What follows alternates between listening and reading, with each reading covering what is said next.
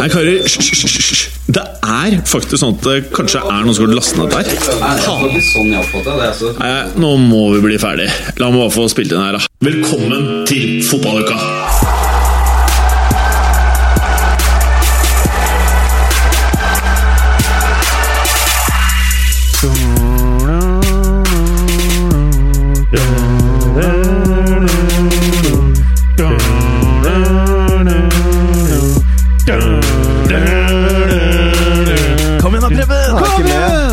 Du vet at jeg er tonedøv, så vi kan er- ikke utsette lytterne våre for min uh, Jeg stemmeprakt. vidt eh, ganske tonedøv. uh, tonedøv eller tonedøv? Tonedøv. Jeg er Tonedøv. helt tonedøv. Jeg tror Altså, ikke lytterne fikk inntrykk av at Jim og jeg er noe annet. uh, og kjære lytter, velkommen til noe vi ikke helt vet. det er jo ikke sikkert dette blir siste sending for sommeren. Kanskje blir det det. Kanskje, nei, jeg tror ikke det blir det. Det blir flere Neppe. sendinger. Nei, det blir kanskje ikke det. Kanskje. Kanskje. Vi vet kanskje ikke. Vi vet ingenting. Kanskje bare banke vi inn noe VM-greier. Kanskje ikke. Ja. Eh, og poenget er at når ikke vi vet det, kjære lytter, så vet ikke du det heller. ok. eh, Det her kan du bare si fordi Berger ikke sitter her og lover bort sendinger. ja. Det var vilt når han begynte med det sist. Eh, Han får kjære- sånn solopodkast om VM. Mats Bergers VM-hjørne. ja, Det tror jeg har vært interessant. Alle episodene handler om Italia eller Colombia. Ja. og ingen som kan si eh, Berger, Berger, Berger, Berger, Berger. Da må du ha sånn E pluss sånn her Bare F og X og Så de varte i tre timer, de fem, fem timer. Og coveret må byttes ut bare en stor E. Det er riktig. Eh, Jeg merker jeg vil ha det produktet. jeg merker Jeg tror mange av lytterne også vil ha det. Jeg merker at Norge trenger Ja. det produktet. Og kjære lytter, hvis du hører at det er litt kjipere lyd, så ikke slutt å tenke på det med en gang. Eh, men eh, det er litt kjipere lyd i dag, og det er fordi at eh, vi sitter på et eh, rom vi aldri har sittet på før.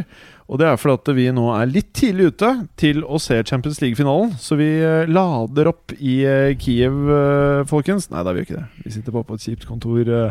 et møtelokale, rett og ja, slett. ja, møtelokale utenfor studio.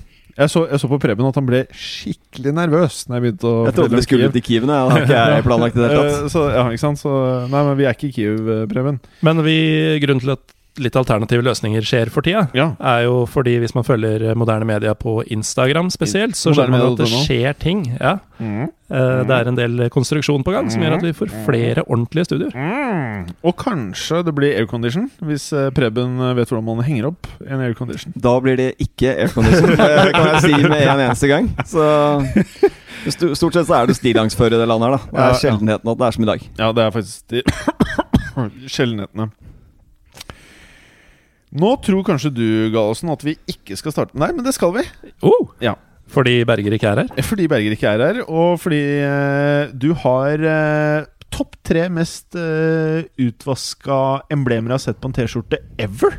Denne gangen er jeg helt enig med deg. Ja, spesielt for det er en L, det der. Øverst der, så Det var egentlig en sort eh, farge øverst der, men den, Ja, med eh, gult omriss. med gult omriss. Og det gule kan man nesten ikke se lenger. Og det sorte ser eh, mer ut som Det går i ett med det grå collegefargede mønsteret i resten av eh, T-skjorten. Det er helt korrekt uh, oppsummert og beskrevet. Og for deg, kjære Luther, som lurte på og trodde det var noe annet som foregikk her, så, så, så er det ikke det. Og så har du et veldig interessant uh, shortsvalg, uh, Gallosen. Vil du hevde det? Ja, fordi at dette her Hvis Vanilla Ice gikk med shorts, så tror jeg det er den. For at det her er det sånne Knebukser. Sånne, sånne wrap-sømmer som gjør at shortsen går sånn inn litt forskjellige steder. Forstår du hva jeg mener? Ja, jeg skjønner hva du mener. Ja, Alltid Du- vært du- et stilikon, han eh, Ja, du er, du er trendy, ass, Morten. Eh, Som vi andre også er, selvfølgelig. Ja, vi er veldig trendy. Spesielt du, eh, Preben, i dag. Du Mm. har jo på deg merkeklær. Ja, det er en av mine uh, off-white eh, T-skjorter. Ja, Ja. Og Eh, den er beskrevet i detalj tidligere. Bortsett fra nå ser det Jeg ut som tror det er den samme, eller jeg har jo fire av den, da. Så Ja. Men er du enig i at det nå ser ut som hele er litt sånn pissgul? Ja da, nå er det også blitt mindre og mindre for hver eneste vask. Så snart er vi nede på ekstra small her. Det er ikke den du strekker deg etter øverste hylle med. Nei, jeg var litt flau på T-banen jeg hadde på. Jeg vurderte å ta på meg genser i 30 graders varme fordi den er såpass fæl. Men Preben, et hot tips er at du går med ikke sexy klær. Sånn at det ikke blir mer barn. Sånn at de er minimerer risikoen for flere ringeriker. Så jeg må bare hive på meg store klær. Sto ja, Ja. eller pissfarga Eller få sånn knebukse som Morten har, kanskje. Det er ikke noe fare for å åpne nye åpne forhold med, med den uh, shortsen der, Morten? eller? Si ikke det. Nei, altså på, Det er mange ja, rare fetisjer. I Amerika, på sånne trailer parks, så tror jeg Ja. kan gjøre stort. Ja, og på språkreiser. Der holder det vel strengt at å være 20 år eldre enn eh, de som er med. Nå bikker vi over i ufint territorium, men jeg tenkte mer på kollegene. Ja, kollegene. ja, nettopp. sånn er det. Dette såkalt åpne forholdet du refererer til, stammer jo fra en sånn runde. Å ja, ja. Nettopp. Med en kollega, ikke en elev. Ja, ikke med en elev. Bra. Det er viktig å få presisert. Ja, det er viktig, altså. Ja, Hvis ikke så hjelper det ikke med en gang. For Eh, du skal på tur igjen i sommer. Bare Ja. Å, dægeren. Det er mye åpne forhold i vente. Preben, Hei. du vet hva jeg skal spørre om. Største fotballøyeblikk eh, siden sist? Det var eh, at da Inter dreit seg ut mot Sassuolo, så klarte Lazio å drite seg ut, de også, mot Crotone. Uavgjort. Så vi fortsatt har én spennende fotballkamp. Vi ser bort fra FA-cupfinalen, så i England. Så har vi én spennende match uh, igjen. Det hjelper Er det ikke så mye mer? det hjelper veldig hvis du har mikrofonen rett foran sånn, faktisk. Sånn rett fra nesa. Ja, det var veldig mye Mm. bedre. Um, Lazio Inter lørdag? Søndag? Det er. Til helgen. Søndag? Jeg tror det er søndag kvart på ni. Til helga. Til helga. Ja, til helga. Den blir fet. Mm. Winner takes it all. uh, og det med all mener vi fjerdeplass. Mhm. Mm. Den Mm, allmektige fjerdeplassen Hva, som det har blitt. hva tror vi, da? Jeg uh, tror Lazio tar det. Mm. De trenger uavgjort. Det tror jeg de klarer. Hva tror du, GM? MG? Det, det hadde vært så typisk Lazio å rote det bort, og det hadde vært så typisk Inter å stjele det. Mm. Nå tar jeg på meg bergerhatten, merker jeg, men eh, jeg tipper Inter vinner 1-0 og tar den. Vi var inne på det forrige uke. Stefan De Vri, som har signert Kanskje ikke offisielt fra klubben ennå, men eh, veldig eh, trygge kilder. Mm. eh, sier at han kommer til å spille for Inter neste sesong. Mm. Veldig spent på om han er i eh, troppen til Lazio i det hele tatt. Ikke sant? Inter også, som nå har signert uh, Asamoa på fri transfer. Det Quadvo? er, ja. Så de ruster opp foran neste sesong. det er en sånn Det type signering som man vanligvis forventer av Juventus. Mm. Uh, Men de gjorde den for ti år siden. Ja. Men, uh, Inter eh, kan bli spennende neste år, altså. ja. Det sier vi alltid. Neste Ja. år. Alltid neste år. men uh, hvis de holder i, beholder Icardi, er vel uh, Det gjør de. Ja, mener du det? Jeg tror ikke Icardi drar noe sted. Hva tror du? Hvor skulle hun gått? Nei, det er jo et lag i Madrid som trenger en spiss. Uh, Tror ikke de trenger han?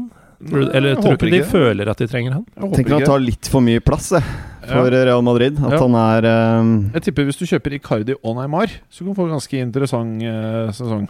Men spillestilsmessig han passa inn i den rollen i Madrid. Eh, helt sikkert. Og Icardi har blitt tatt ut til uh, den derre preliminary ja, troppen ja, til Argentina. 35 foreløpig, vel. Og Ja. den troppen ser ganske fet ut, altså. Ja. Når du går gjennom. Det som er morsomt, er at uh, hvis du starter bakerst på keeperne, så er det sånn reservekeepere litt sånn, men eh, ok, for et landslag så er det mer enn bra nok valg. Og så kommer du på uh, forsvarsgreiene, og så har du liksom Otamendi, og du har liksom noen Mascherano, Ja. Rojo Og så går midtbanen, så meh, Kanskje ikke de største worldbeaterne der. Og så kommer det liksom det man skal kalle gåstein angrep. Så alle stjerner, er alle seks stjerner eh, frem på banen. Det er nesten sånn at du får lyst til å bare kjøre alle på laget. Det har vært snakk om at Icardi ikke nødvendigvis blir med i den endelige troppen. Han sto vel også nederst av de spissene, ikke at det betyr noe, eller angriperne. Eh, og når du da havner bakerst i rekka i den gjengen der, da er det solid gjeng du har med å gjøre. Altså. er det. Eh, En annen interessant greie mellom Lazio og Inter er den toppskårerduellen mellom Chiro Immobile og Icardi. Mm. Eh, Immobile har 29 og Icardi 28, så det Mm. står mellom de to. Så det er et eh, poeng i matchen, det også. Mm. Eh, definitivt. Eh, Morten, hva er ditt største uh, fotballøyeblikk siden uh, sist vi satt der? Jeg skal fortelle deg det, Jim Fosheim, og det er eh, fra Tyrkia i går.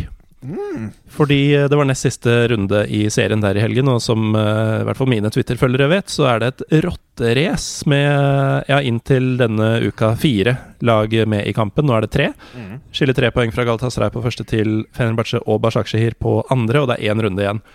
Uh, Fenerbahçe hadde den siste matchen uh, for, um, for den runden, og det var borte mot Karabukspor. Og de hadde én ting å gjøre, de måtte vinne kampen, og de måtte vinne med i hvert fall fem mål for å kappe inn på forspranget Galatasaray har på uh, målforskjell. Og de vinner 7-0. Det er pent uh, levert, altså. Så nå har de ikke Med bare den spissrekka. Ja. Både Soldado og, uh, og Jansen putta. De gjorde det, ja? Ja, det er helt sjukt. Så nå Ja. er det vidåpent der før siste runde, det var egentlig ikke mulig å få det til. Mm. Men her er vi. Spennende greier, da. Uh, Siste runde nå i helgen. Ja. Hvem møter Gala i siste? Galatasaray skal til uh, Izmir og møter Gøsteppe, som har hatt en meget god sesong, ligger på sjetteplass, men har ikke slått noen av de fire beste så langt. oi. Så de trenger ett poeng. Uh, ja, Gala. de må unngå tap, så er det i boks. Nesten spennende. Jeg vil Det er det er mer spennende. spennende det har vært i 90% av ja. vi følger i den podkasten her. Og det har vært sånn hele, hele våren. Har det skilt ett og to og tre poeng mellom fire lag, så det har vært en voldsom innspurt. Ja, ja. Voldsomt. Voldsomt. Eh, hvis vi beveger oss eh, til land hvor det er mange tyrkiske spillere, altså Bundesliga Flere der enn i Tyrkia, tror jeg. Ja, man skulle tro det. eh, hvis vi skal kjøre en liten oppsummering her, hvor hadde du starta? Jeg ville starta med Hoffenheim. Ja, Det er en bra start, vil mange hevde. De har jo gjort det utrolige og klarte jo faktisk å passere Borussia Dortmund i siste runde med seier mot dem. Og eh, hva skal vi si spikra en uh, framifrå sesong eh, med en uh, sensasjonell og historisk for deres del tredjeplass. Mm. Og det er jo Alt handler om Julian Nagelsmann. Ja. Vi har snakka mye om han, men det er, det er helt vilt hva han har fått til. Nå skal jeg stjele ellevilt fra Eivind Bisgaard Sunde, som, uh, som tvitra en del Det liker vi. fakta. Ja. Og er, for, for de uh, som ikke vet hvem uh, denne personen er, hvem Eivind? er, ja, hvem er Eivind? han uh, kommenterte Bundesliga for Eurosport i de årene de hadde Bundesliga, og han har også skrevet en del for Josimar. Er Mm. generelt meget habil på tysk fotball og fotball generelt. Og en veldig fin fyr. Veldig fin fyr. Ja. Veldig sånn blød sørlending fra Mandal. Ja, og vi vet jo, Sunne, du hører jo på dette her hver eneste uke, så DM oss hvis du har noe du ønsker at vi skal ta opp eh, i forhold til Bundesliga en annen gang. Eller om du vil være med. Eller om du vil være med, Bisgaard. Bisgaard Sundet. Nei, men altså Julian Nagelsmann, 28 år gammel, tar over eh, i februar 16 tar over et Hoffenheim som legger sju poeng fra trygg grunn. Eh, nå er ikke sju poeng på tre-fire måneder umulig, men det er jo en enorm jobb for en 28-åring. Og han får det til. Han redder dem. Og så mister de sin beste og viktigste spiller, Kevin Folland, til Leverkosen. Eh, året etter, de har da mista toppskåreren sin, talismanen om du vil. uh, ender på fjerdeplass, som nå jo ville gitt eh, Champions League, men uh, kun kvalik den gang, og da røyk de der. Måtte ta til takke med den kongelige Europaligaen. Det var mot Liverpool, Eh, Ja, stemmer. som uh, Så det har kommet ganske langt denne sesongen. har jo vist seg et hederlig nederlag, det.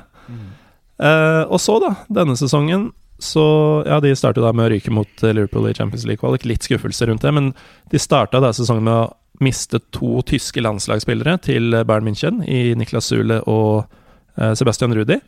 I vinter mista de også toppskåreren sin, Sandro Wagner, også tysk landslagsspiller, til Bayern München. Eh, tre av de aller viktigste spillerne sine, samt eh, det store talentet Jeremy Tollian, som gikk til Dortmund. Ordentlig raid på klubben, som overpresterte forrige sesong. Eh, og så er de enda bedre. De går da fra fjerde til tredjeplass etter at de mister fire nøkkelspillere, og det er fortsatt da en fyr som blir 31 i sommer, som har stått bak hele den operasjonen. Eh, det handler jo rett og slett bare om han, når du ser eh, det store bildet. Ja, Det er helt vilt, og de har vel bekreftet nå at uh, fra offisielt hold er det ikke at han 100% sikkert blir i Hoffenheim. Men jeg så en tweet fra klubben på det. Så skal man Ja, aldri det- ta at 100% er noen gang 100% i fotball, men det virker som han blir en sesong til, i hvert fall. Ja, det, det sier sånn. Eh, og så er det jo spørsmål om om han rett og slett ikke tør ennå å flytte på seg. Det er eh, lett å bli helt eh, hvis, du ikke, hvis du uansett ikke har noen større ambisjoner, og det er klart Kanskje han er typen til å være en stor hai i en bitte liten gullfiskbolle, eh, og at han ikke vil utvide til haitank helt ennå. Stor forskjell på å lede et eh, lag med unge, mer ukjente spillere, når du plutselig skal lede Alexis Sanchez, Paul Pogba Mm. Det er en helt annen type jobb du egentlig driver med, rimelig overbevist om. Og det er jo eh, Det er jo Det er jo ganske mange toppmanagere som har blitt beskyldt for å egentlig ikke være så veldig gode taktikere, eller egentlig ikke være noe spesielt flinke, men det, det de faktisk kan, er å balsamere, da. Mm. Balsamere nøtter og bakender og det som er. Og jeg tror på mange måter at uh, der, der uh, annet uh, Moyes uh, fikk litt problemer også, er jo at uh, Du merker jo også på spillerne at med en gang en trener enten har spilt mye fotball selv, at du har vært en stor fotballspiller selv, eller at du har fått til ting med en annen klubb, det har mye å si. Hvilke spillere er du har trent? Hvis, du, hvis den beste du har trent, er Jagielka. ja, Jagielka, liksom. Og så kommer du og skal fortelle Rooney hva han skal gjøre. Det kan bli problemer. Uh, og der tror jeg han Tussel er way Jeg mener det way out of his eh, depth. Og jeg tror det blir masse krangling og masse deilige kontroverser. Nå har vi bikka over til Tuchel? Ja. Ja, Uh, ja hvorfor ikke? Hvorfor ikke? Eh, jeg er helt enig der. ja, og jeg tror også med PSG så er jeg Når det er så mange som skal avkrefte Neymar til Real Madrid, så tror jeg faen meg det er litt eh, ild i grasrota der. Han virker jo som en uh, kranglefant òg, og det er ikke ideelt å dytte en uh, litt urutinert, må man, man si at han fortsatt er, eh, på det høyeste nivået. Litt urutinert uh, kranglefant inn i et lag med masse eh, stjerner som er ganske høye på seg sjæl. Mm. Det kan bli, eh, det kan bli helt katastrofe, tror jeg. Mm. Han har jo vært eh, i gamet som førstelagstrener på høyeste nivå i Tyskland i eh, ganske mange år. Sju, tror jeg det er. Ja. Men Dortmund var jo første store jobben hans, eh, og man må jo si at det var med vekslende hell han fikk til det. Steget fra Mainz til Dortmund er langt mindre enn det han tar nå. Eh, og ta over den gjengen med suppegjøker som, eh, som man gjør i Paris, det Jeg tror den brasseklikken der mm. det, jeg, jeg, jeg tror det er liksom Angelotti-materiale. Jeg tror ikke det er mange som liksom klarer de greiene der. For du må For det første så må du please de, og så må du unngå at det blir for mye Jeg tror det er mye splittelser, da. Eh, når du liksom hører Tiago Silva, Marquinhos, Daniel Alves og Neymar mot veldig mange av de andre.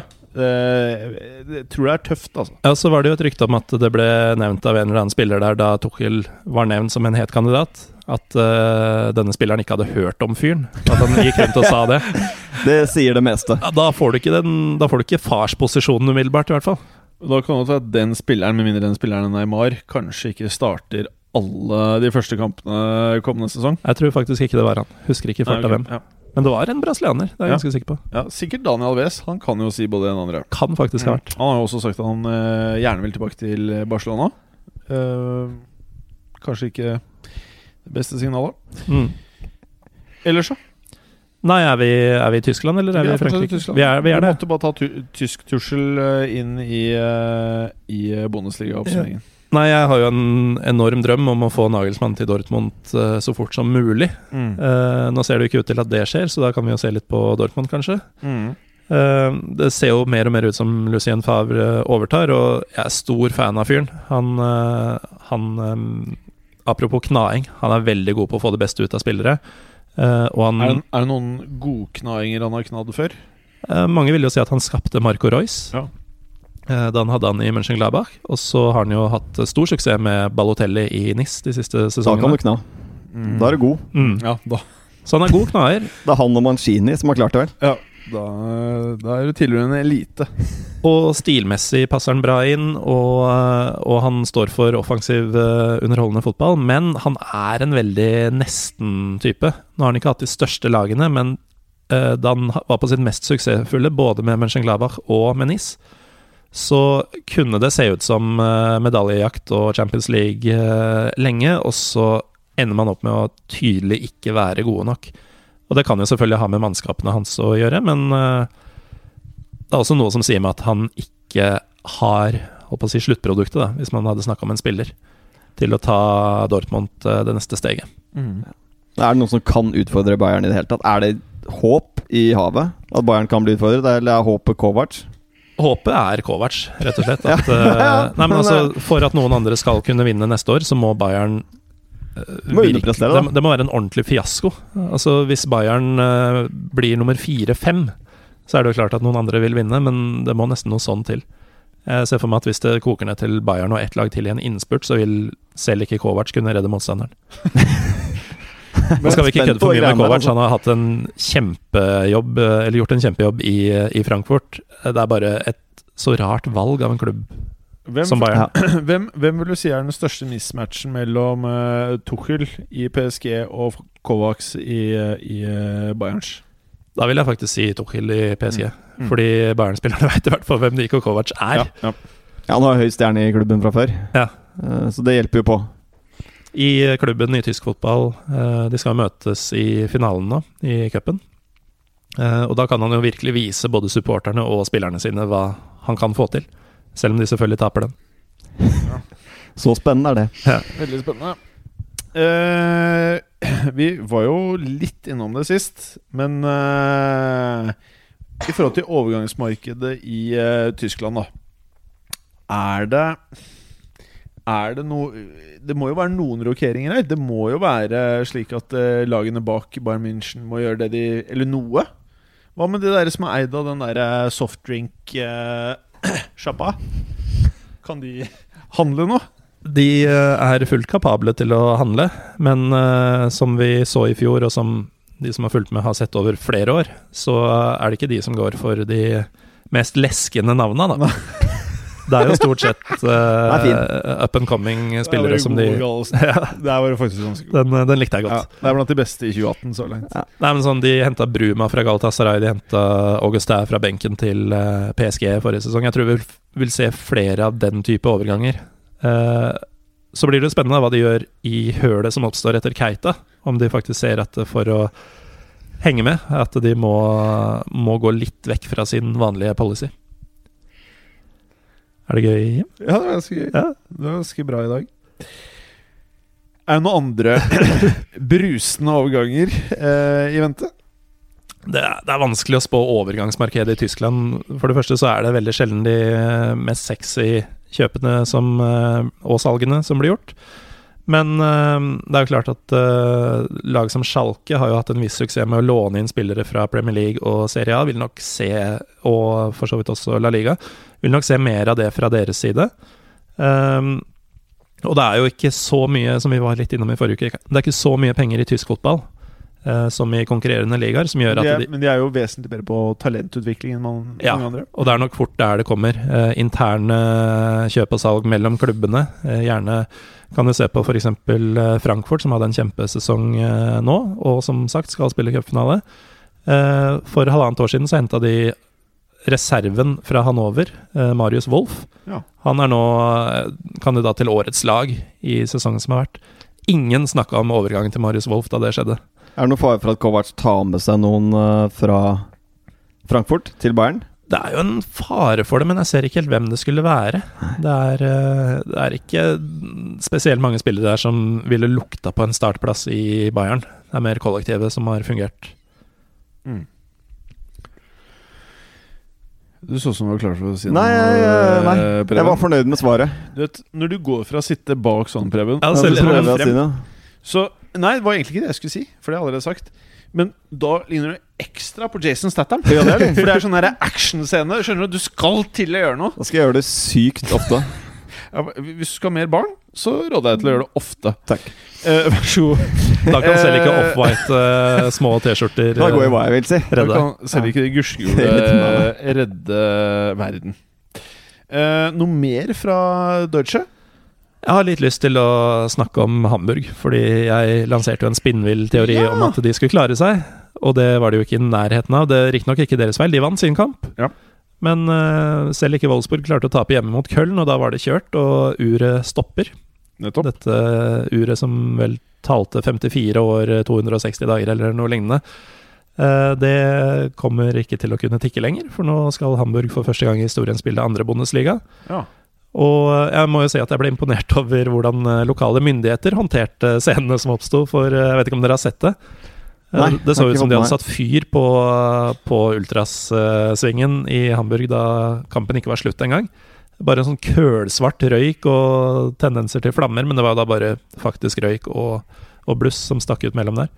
Men eh, det så ut til at politiet og vakter gikk ut i en slags 40-40-20-formasjon. Interessant. Hvor de da hadde rett og slett en vegg av uniformert politi, terrorpoliti, eh, på første rad, og så litt mildere politi på andre. Et tjuetalls uh, stadionvakter bak, og så et par Bare for å krydre litt uh, politi til hest oh. bakerst. Så der uh, skjedde det forholdsvis lite i forhold til hva de egentlig trodde kunne skje. Men det er jo et mon monumentalt øyeblikk i tysk fotballhistorie. Og bare det å se en førsteligatabell neste år uten Hamburg på, det blir Ja, det er unprecedented. Hvordan er de bygget da, tenker jeg, altså for å komme rett opp igjen? Eh, Det gapet mellom eh, første og andre.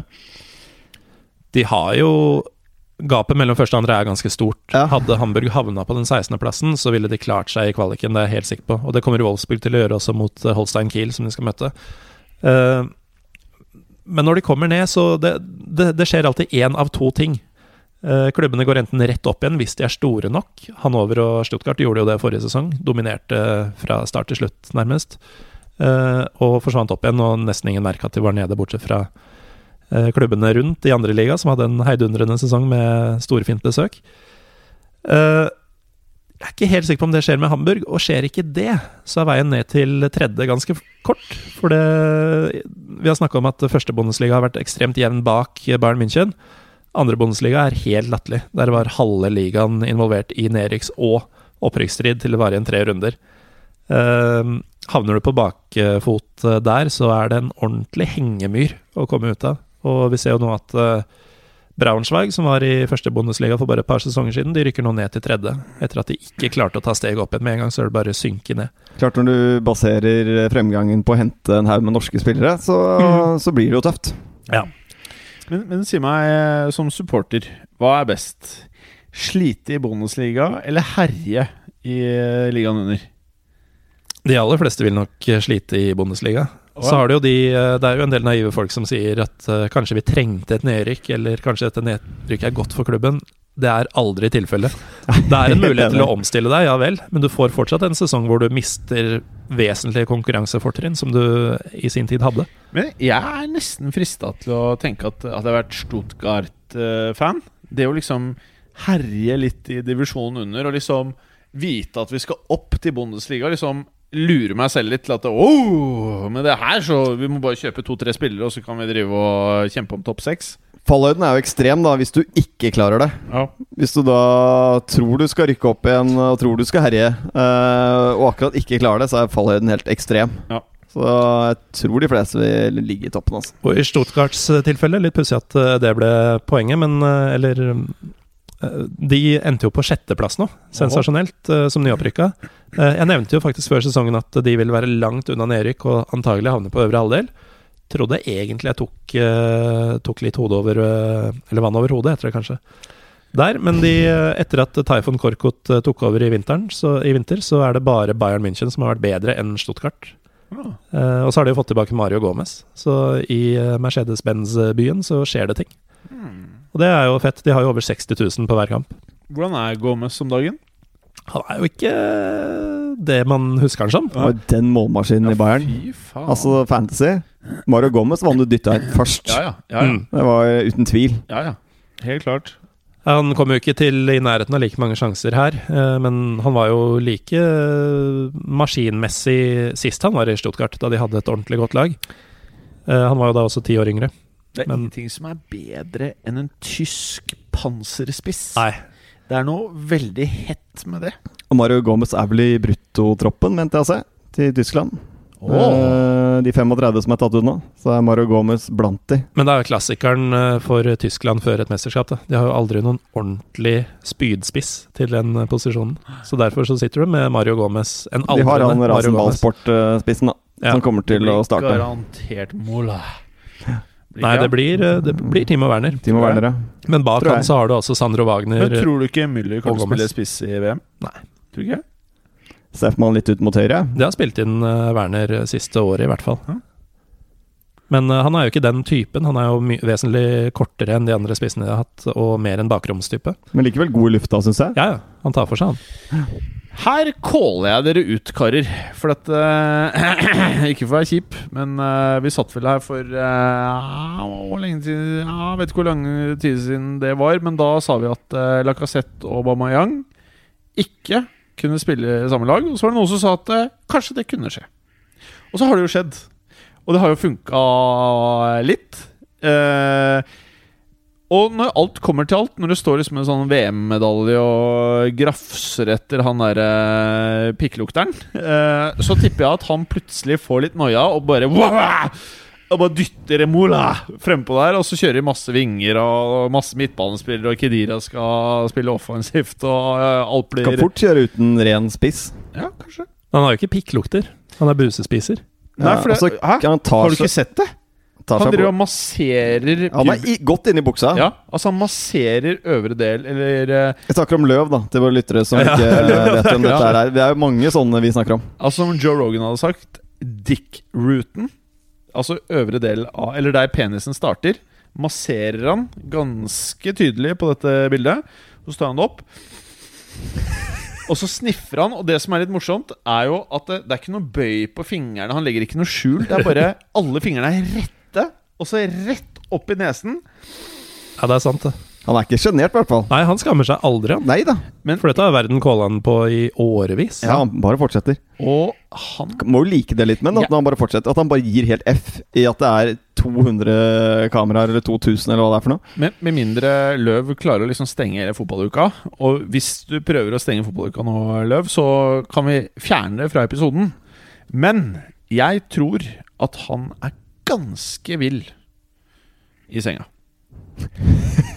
Fordi at det, han tar så mye på penis, og han har så stramme klær. Og han ser så streng Og så er det noe dyrisk over den der busespisinga. At uh, han sikkert bare gir jernet, bokstavelig talt. Tror du er inne på noe, Siv. Tror du er inne på noe. Ja, fordi Jeg tenker egentlig ikke fotball når jeg ser det tyske landslaget lenger. Jeg tenker bare på hva er det Joachim Jochen Löw gjør i køya. Det burde være sånn kamera på løp to ganger 45 minutter, så Ja. du har oppe i høyre hjørne på TV-skjermen et eller annet. Bare så du har det hele tiden. Ja. Så du Oi. kan sitte og tenke over disse sakene her. Nettopp. Og for alle de som er vant med å sende rundt sånne Excel-ark hvor man skal bette på hva som skjer, hvem som skårer mest mål, hvem som går videre i forskjellige kampene, så mener jeg ett bet der ute. Hot, hot tips. Ti bonuspoeng hvis man gjetter riktig på om Joachim Løv sniffer penis, piller buse eller ei. Og så ikke noe minuspoeng hvis du har feil, men du kan få bonuspoeng. Eller jo, vet du. Den tenkte jeg ikke så godt gjennom. Må vi bringe konkurransen tilbake, kanskje? Ja, kanskje det. Glem det, folkens. Jeg hadde ikke tenkt noe igjennom. Eh, noe mer fra de Deutsche? Vi kan vel egentlig gå videre. Det er ikke så gærent heller. Serie A eh, ringer ikke. Ja, Vi har vel egentlig snakket om uh, alt sammen allerede. Det som uh, er verdt å tenke på. Det er litt i bunnen der, da. Vårt uh, og Tåne, Morten, prøver seg på en liten redningsaksjon nå. Mm. Fikk jo med seg poeng mot Lazio sist. Jeg visste ikke åssen jeg skulle reagere på det, for jeg ville egentlig at Lazio skulle, merkelig nok, havne Ja. foran Inter. Nå har de vel Napoli borte i siste serierunde. Kan gå med poeng der. Napoli har jo ikke så mye å, å spille for lenger. Så, eller ingenting, vel. Nei, De tror jeg er ganske sure Ja, de går på så de kan få en trepoeng. Det er jevnt i bånn der, altså. Så vi får jo håpe at Crotone overlever. Ellers er det jo Lazio-Inter som er den store matchen, og egentlig den eneste av betydning for uh, de som er opptatt av det kommersielle i, i fotballen. Og der har vi egentlig vært inne på det aller meste allerede. Det er meget eh, kommersielt og fint. Jeg tok et veldig morsomt bilde av deg nå, eh, Preben. Gjorde du det? Det veldig morsomt. Takk. Til Instagram. Legg det ut. til Fotballuka. Så jeg konsentrert ut. Ja, du så egentlig veldig digg ut. Takk. Så her tror jeg det ble mer barn.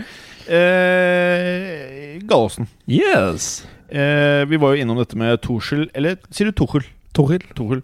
Eh, Tuchel er jo klar for PSG. Mm. Hva tror vi om neste sesong nå for PSG? Gitt at de beholder alle disse 500 milliarder spillerne, og at de kanskje får inn en stakkars Kanté eller et eller annet på midten, som da angivelig da er løsningen på Champions League-gåten for PSG.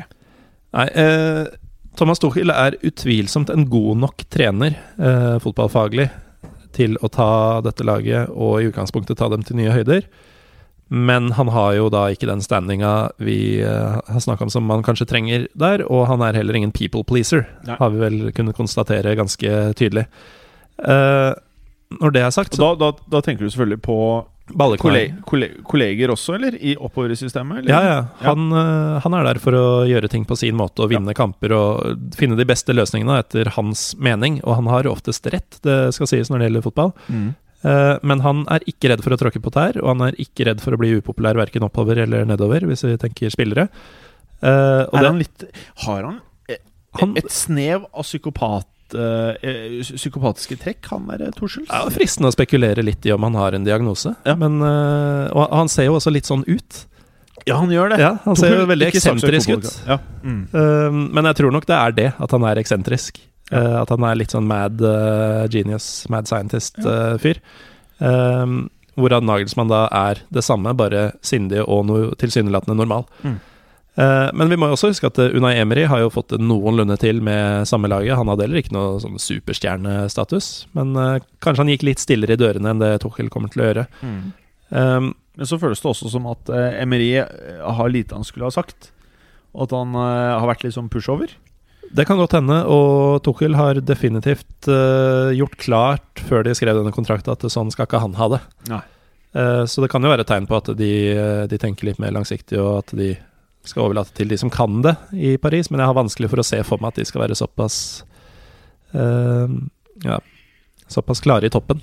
Jeg har prata med noen uh, som er uh, basically Neymar-fans, og derav blitt PSG-fans i Goldstein. Sånne folk kjenner jeg ingen av. Altså. Nei, de pleier å være litt yngre. Uh, hva var det jeg skulle si nå? De hevder at det de får her, er Guardiola-fotball. Er det noe sannhet? Nei, det Jeg syns det er litt uh, voldsomt å sammenligne Tuchel med, med Pep Guardiola, altså. Mm. Det, det syns jeg. Men da, altså når det funker, syns jeg det er kul offensiv fotball han står for. Det er ingen tvil om det. Uh, det defensive har vel ikke alltid vært helt på plass under han heller. Eh, på mange måter så passa han jo inn i Dortmund på, på veldig mange måter. Ja. eh, og den stilen de vil ha. Så jeg tror at eh, PSG mot en del av disse båndlagene, der vil de sikkert vinne 6-7-8-0 eh, og spille kjempefotball under Tuchel. Så tror jeg igjen at de vil slite, som vi har sett mange ganger før, når vi kommer inn i Champions League-rundene. Og motstanden blir verre, så blir det rett på huet og ræva ut igjen. Ja, og, og selv der altså, Igjen, jeg tror ikke Tuchel blir noen stor suksess i Paris, men uh, når de da ryker i kvartfinalen i Champions League, da, uh, så er det ikke derfor. Eh, det er eh, jeg, jeg tror egentlig ingen kan få dem noe særlig lenger. Jeg tror eh, toppen er nådd. Eh, og at eh, det er litt sånn manglende tradisjoner i klubben, og manglende status eh, på ligaen gjør at de eneste ordentlig store navna de får, er rett og slett de griskeste. De som kommer kun for pengene. For det er ikke noe sportslig å hente der for Neymar, f.eks. Uh, og da kommer de av feil grunner, og sjansen for at de skal blø spesielt mye for, for PSG, når de veit at her får jeg til havsalt i maten, og jeg kan gå til en annen toppklubb som jeg heller vil spille for seinere, hvis det ikke funker her. Det er et veldig viktig poeng du er inne på der. Altså. De spillerne de får, er nettopp de typene. Det er liksom nesten så det går litt Altså, eh, altså gå litt for å legge opp, da. Mm. Altså Bare surfe inn de siste to-tre årene med en big money-kontrakt. Eh, det som slår meg her, er jo at det, jeg blir alltid litt overrasket over alle eh, treningssigneringene jeg har gjort, bortsett fra Ancelotti. For at dette er en klubb som åpenbart herjer eh, på overgangsmarkedet på spillere. Men på trenere så føler jeg at eh, hvorfor all verden går det ikke for eh, en fyr med grått hår? Men er det en utfordring nok for topptrenerne? Jeg tenker at de Altså, de tenker at det, det er ikke nok utfordring i den jobben her. De kommer til å spasere inn dette ligagull. Det er kun Champions League. Det er jo mye mer kompetitivt å være de andre ligaene. Vil jeg tro en del av de tenker på. Men å være den som bryter den barrieren, da. Ja, selvfølgelig. Og eh, mest sannsynlig så vinner du jo ligaen. Og eh, om du ryker ut i Champions League, så har du på en måte ikke gjort noe dårligere enn de andre. Eh, og du kommer til å tjene shitloads med penger, da. Mye oppsider, sånn sett. Det er det. Så jeg er litt sånn overrasket. Og det, sånn i teorien så føler jeg liksom de trenerne de ansetter, er en alder som minner meg om et sånn Pochettino-løsning. At du ønsker noen som skal være et sted eh, lenge. Men så er det på toårskontrakter. Eh, som da gjør at uh, liksom, det er jo ikke langsiktig tankegang. Så jeg, jeg skjønner ikke helt uh, trenervalgene.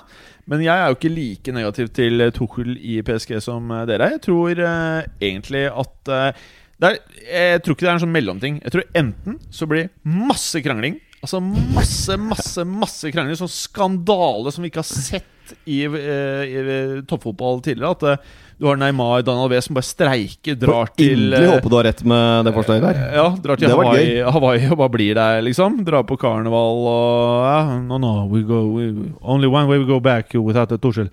Eh, eller så tror jeg at vi kommer til å se noe helt sjuke greier. At han har lært av feilene sine. Og at hvis du er en sånn psykopat, så klarer du liksom å skjule noen av sidene dine også. Helt til du liksom bare Champions League-finaler vinner, så bare Så smeller og så stikker han til Manchester United eller et eller annet sånt. Eh, så jeg tror egentlig at dette kan gå greit. Ja. Så blir det spennende å se. Mm. Det kom fra mannen som sa at Auba og Lacassette kunne spille side om side. Eller på samme lag. Ja, du nok om traff greit med den, da. Ja, jeg vil ikke si det. Bortsett fra at det må Aubameyang på laget og eh, kaptein på- i fancy fotball. Det var ganske greit nå. Uh, Neymar, årets spiller. Fortjent? Spørsmålstegn.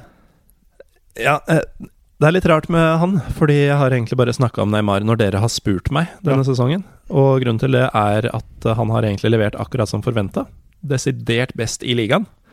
Eh, Så det har liksom ikke vært noe å si. Han, eh, Jeg er litt enig. Han- det er sånn vært- jeg føler det òg. Han har vært i en egen klasse, og det er selvfølgelig fristende Jeg har snakka mye om eh, Florian Thauvin, f.eks., men det er, det er galskap å, å komme utenom Neymar når du skal se hands down hvem som er best, for det er ikke noen tvil om at det er Neymar.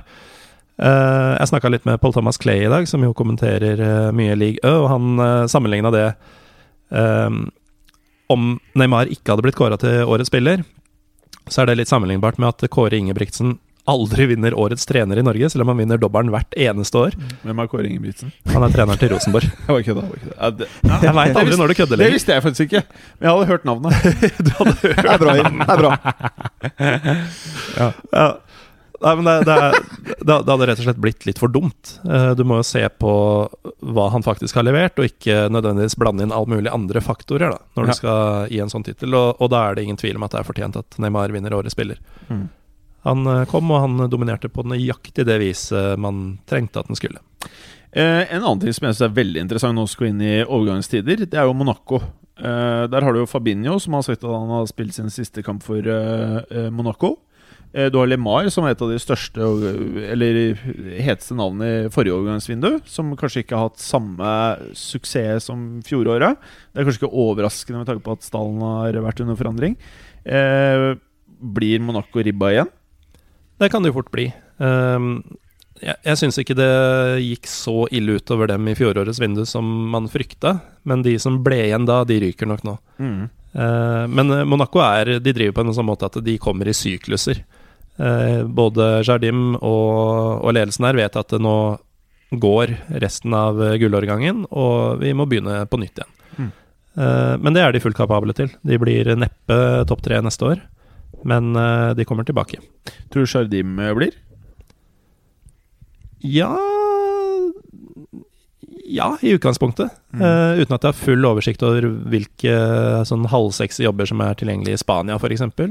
Nei, eh, ikke fryktelig mye sexy der som er ledig nå, men det er jo Arsenal, da. Eventuelt. Ja, Arsenal, det. Arsenal driver jo Det virker som de holder på helt i blinde om dagen. Jeg håper de har en bedre plan enn det som kommer ut. Arteta!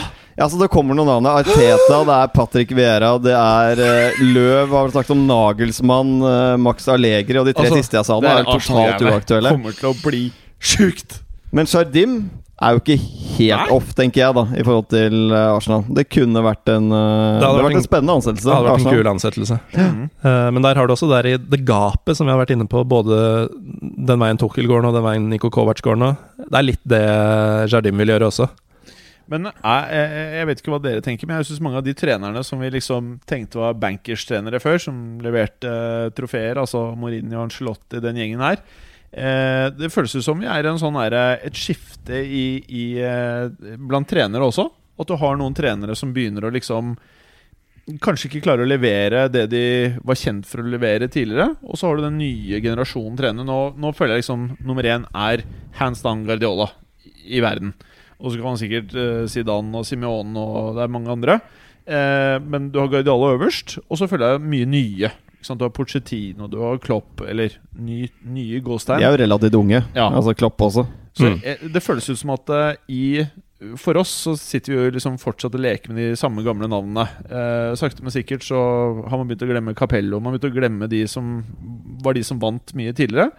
Eh, så tror jeg kanskje mange av disse trenerskiftene er et resultat av mangel på gode trenere. Og Anslotti begynner å nærme seg vært gjennom stort sett eh, de fleste toppklubbene nå.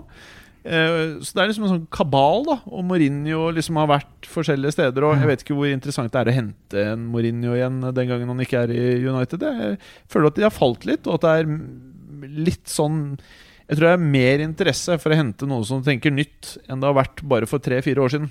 For det er en helt ny stil på de unge managerne som kommer opp. Altså De spiller ofte possession-orientert. Offensivt fotball, høyt press. øh, kjappeste vei til mål, egentlig. Eh, det som kjennetegner dem. Mens kanskje de gamle gutta, da Mourinho Hvis du tar alle de gamle italienerne osv. Capello, så var det med defensiv trygghet. Og det, det funket kanskje før, men nå er angrepsspilleren Altså angrepsspillet generelt, da, det kollektive angrepsspillet, er på et så Ja. mye høyere nivå nå enn det var for bare fem år siden. Ja, men Det det har skjedd en, ekstremt mye. Nå vet jo ikke vi alt som skjer der ute, men det er jo en gåte at ingen bare betaler det som skal til for å få Simione. Jeg mener at det, han er nå det nærmeste garantert suksess du kan få, da med, gitt at han får lov til å handle litt og, og styre Forsvaret sånn som han ønsker selv. da Men han spiller jo en type fotball som veldig få av de mer kommersielt anlagte toppklubbene Nettopp. eh, ønsker å stå for. Og det er jo et poeng. Men Det er nok igjen, det som da- holder han borte fra en del jobber. Mm. Altså spillestil, rett og slett. Mm. Men igjen, da. Hva, sånn som et Manchester United. Tror vi at eh, eh, fansen der er mest opptatt av spillestilen, som egentlig ikke er i nærheten av det det var under eh, Ferguson? Jeg føler de fleste er liksom halvmisfornøyde. Eller Tror man er happy bare til å komme tilbake og være Ja, en eh, sikker topp fire. Altså Det er ganske tungt for United-fansen som har vokst, ja, bortsett fra her noen. sitter du igjen her. ja, ja, men en del av de unge Altså egentlig på vår alder, da, som er bare oppvokst med at United har suksess, da. Altså er et av verdens beste, eller Europas beste fotballag, i hvert fall. Uh, det er ganske tungt å ha et par sesonger hvor det blir femte-sjetteplasser. Uh, bare det å komme tilbake igjen og være stabilt oppe der, er jo viktig for dem. Ja, Helt klart. Men Men det er, det er ikke én eneste United-fan, bortsett fra kanskje de aller yngste, som er oppvokst med denne topp fire-jaget, uh, som tenker noe annet enn ligagull. Ja. Uh, Det det, er er, sånn jeg føler ja, det. Ja. det er det som gjelder.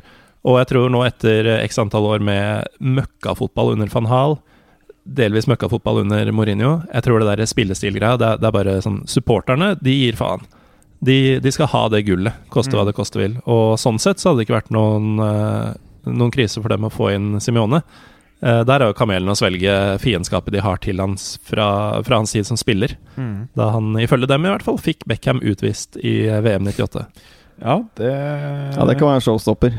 Mm. Kan være. Ja, men det, De er langsinte i eh, Lancashire. Ja. De ble jo ganske sinte på Batistota, husker jeg. Mm. Han sto og eh, nikket og var veldig sympatiserende. Men det er spesielt med United. da De har vel tatt Er det 81 poeng de står på nå, eller er det 82? Husker ikke i farta. 82, tror jeg. Ja, så, så poengfangsten er jo veldig bra for United i år. Altså, Annet år så kunne de jo faktisk vunnet serien med, med den poengfangsten de fikk nå. Mm. Men allikevel så er det et eller annet i med at United er en av sesongens skuffelser likevel. Men, og det har jo kun med spillestil å gjøre. At du forventer så mye mer av et lag som har brukt like mye penger som um, City og Pep.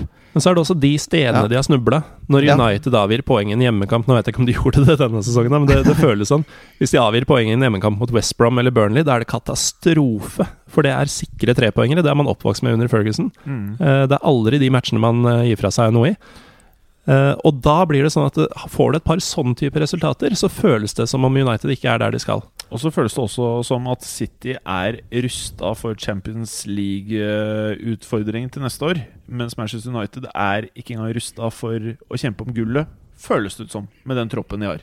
Ja, det er 20 poeng da de skal ta inn på City. Mm. Det er et enormt gap fra City og ned til utfordrerne. Men det skal også sies at City har jo hatt en flyt uten like. De har gått en hel sesong uten noen down-periode. Eh, å treffe den to år på rad er nesten umulig. Så eh, City vil ikke få det antallet poeng neste år. Så ja, ja, jeg har fremdeles aldri sett Guardiola choke. Nei, ikke choke, Liksom, men, eller at det, det Ja, I ligamessig. Ja, men Ja. de, de fikk 100 poeng nå. La oss si de får 88 neste år, da. Kan godt fortsatt holde til gull, men det er mer sannsynlig at United må opp på 90 enn at de må opp på 100 for å Men ta han det. fikk vel 100 med Barca òg. Og han fikk vel nærmere 100 med Bayern. Det husker jeg ikke. Men vi snakker om enkeltsesonger nå. Ja da, det er jo enkeltsesonger, men han har vært stabilt høyt på, på Guardiola. Ja, ja. Han, er, han er dyktig på å holde et jevnt trøkk gjennom hele sesongen. Mm. Og så føles det også ut som at eh, de forsterkningene de skal gjøre i sommer, det er, eh, det er ting de kommer til å få til. De kommer til å kunne forsterke laget og vite at de går inn i en ny sesong med forsterkninger, for det er ikke de mest dramatiske tingene som gjøres. Mens jeg føler at for United De må både skaffe seg en sånn X-faktor-spiller, som eh, de kanskje tror de har i Sanchez, men som det ikke virker som de har. Uh, det, det, er, det er så mye som må lappe sammen, og så har de også den risikoen at de kanskje mister De Gea. Hvem vet? Ja, det er det. Og Alexis er jo en av mine, altså en av mine skuffelser denne sesongen. Eh, Både i Arsenal-trøya og det han har vist i United-trøya. Han bør være blant de fem beste. Han, altså han bør være en dominerende spiller i hver eneste kamp i Premier League, eh, mener jeg. Mm. Eh, Han har det toppnivået inne, men akkurat nå er han ikke Han er jo ikke det i det hele tatt. For meg så var Sanchez kanskje bestspilleren i England i fjor. Ja. Eh, på Det er jeg enig og jeg mener at eh, hva er det som egentlig har forandra seg? At han var lei seg i en sommer. Eh, man må liksom klare å komme seg opp fra det på et tidspunkt også, hvis man skal være en pro. Men det er mye uforløst i det United-laget her. da Vi Ja. snakker om hvor langt unna de er uh, City. Men kan vi herved fortelle lytterne at vi er videre til Premier League nå, eller? Ja, det tror Ja, jeg vi det kan vi gjør for fortelle. Ja, det er fint, det er fint. Ja. uh, nei, men det, altså de, de er, Vi sier de er 20 poeng bak uh, City, og at de må gjøre mye. Men det de egentlig må gjøre, er jo å få spillerne sine til å prestere på det nivået de kan. Eh, Pogba har jo tidvis vært veldig god, men totalt sett en skuffelse. Sanchez en kjempeskuffelse. Lukaku tidvis ganske dårlig. Eh, forsvaret har aldri satt seg helt. Nå vil eh, Lindeløf eh, være et veldig år eldre. skadeplaget bak der. Ja. Veldig mye rotasjon. Eh, så det kan jo også være at eh, det de har, er si fem-seks poeng bedre enn de har fått vist. Og hvis eh, Nå får jo Sanchez en, eh, en eh, frisommer for første gang siden han var liten guttunge. Eh, hvis uh, Pogba og han f.eks. tar tak fra tidlig i sesongen og spiller på seg og laget selvtillit, så kan det jo være mye gjort allerede der, da. Og vi så det i eh, enkeltfaser av enkeltkamper, de kampene hvor United måtte ha mål. Mm. Hvor utrolig fin angrepsfotball de faktisk kan spille når de må. Og når de da dytter backer oppover, de dytter spillere frem i banen. Men det blir altfor ofte litt for forsiktig Ja. og kalkulert fra Mourinho sin side. Selv i disse kampene da, hvor de eh, trekker opp West Bromwich Stoke hjemme, altså der du egentlig bare kan kjøre på. Fordi det som kommer motsatt vei, er Det kan nesten stå én mot én og vinne matchen bakover. Ja, og da er det så rart at det er Mourinho som har henta nettopp Pogba og Sanchez, da, som på en måte blir hakkekyllingen her. Fordi han veit jo at dette er gutter som må frigjøres. Ja, helt klart. Å ta bort noe av det defensive ansvaret. Jeg føler kanskje at Alexis blir opphengt i for mye defensivt ansvar. Da. At han Lian, eller den friheten fremover, har litt sånn fri rolle. Så tror jeg du får mye mer ut av Alexis enn å putte han i en veldig låst rolle på banen. Mm. Samme Pogba for så vidt også. Ja, det, er litt mer free flowing i United, så er mye gjort. Det er mye bra uh, spillere i United nå, det er det. Men allikevel, uh, når vi prater om de summene det er snakk om her, så er det altfor mye, som du sa, høl. Det er et høl i Red Bull. Det er mange høl her, syns jeg, på tross av at de har brukt masse spenn. Ja, og den venstreback-diskusjonen den kommer jo opp hver bidige sommer. Hver Mm. sommer. Og jeg føler at vi aldri er nærmere. Og nå skal det ha høyreback også. Og så skal de kanskje ha en stopper også. Og så skal de kanskje ha en midtbanespiller også. Vi bikker to milliarder her. Vi, ja, men vi gjør jo det. Ja, Det er jo helt vilt. Og eh, jeg føler at i motsetning til eh, veldig mange andre, så erkerivalen eh, Liverpool, hvis de fortsatt er det Jeg føler de treffer mye mer. Jeg føler de treffer mye mer med overgangene enn en United. Ja, da, Vi var vel litt inne på det med PSG da, og mye penger.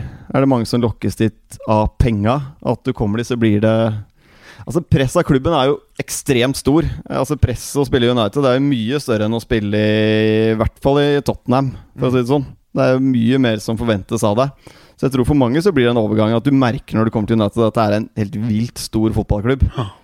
Ja. Ja, at det, det presset Du må ha den mentale styrken da for å lykkes i United.